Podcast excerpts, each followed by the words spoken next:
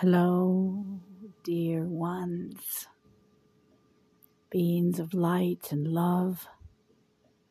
We are here for you. Thank you for opening up to let us in. Thank you for all of your questions. Keep opening up to imagine this world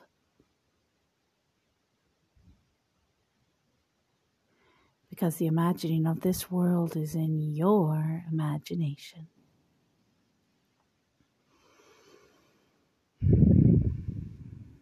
We are with you, the Wisdom Council of Ancestral Grandmothers. And today we wish to speak to you about patience. You think you understand patience and from a cerebral point of view, view, in fact, you do. The true essence of patience, we are here to remind you, is not in understanding how to wait, but rather understanding how to keep moving forward.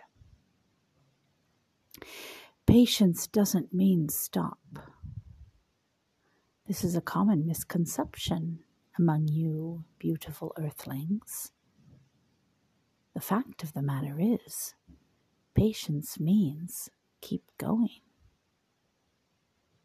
So we invite you to keep going and to remember that what you are looking at, if for some reason it does not match your deepest desires, that does not mean your deepest desires are not on their way. And yet, in order to bring them into being, the patience that we invite you to embrace includes keeping walking forward. The patience is about opening yourself up about trust. It's about knowing. And it's about no matter what you see, feel, or hear around you,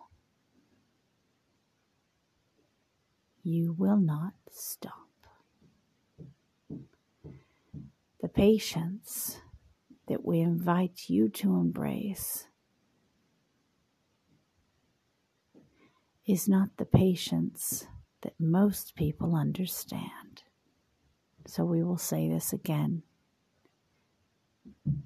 We invite you to practice patience, and practicing patience means keep moving forward. We invite you to remember that when things do not seem as you wish them to be, that does not mean that they aren't. And the true test of patience is knowing and trusting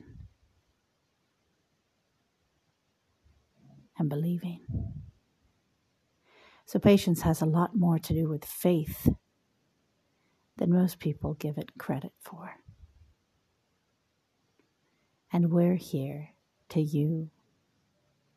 We're here to remind you of the faith.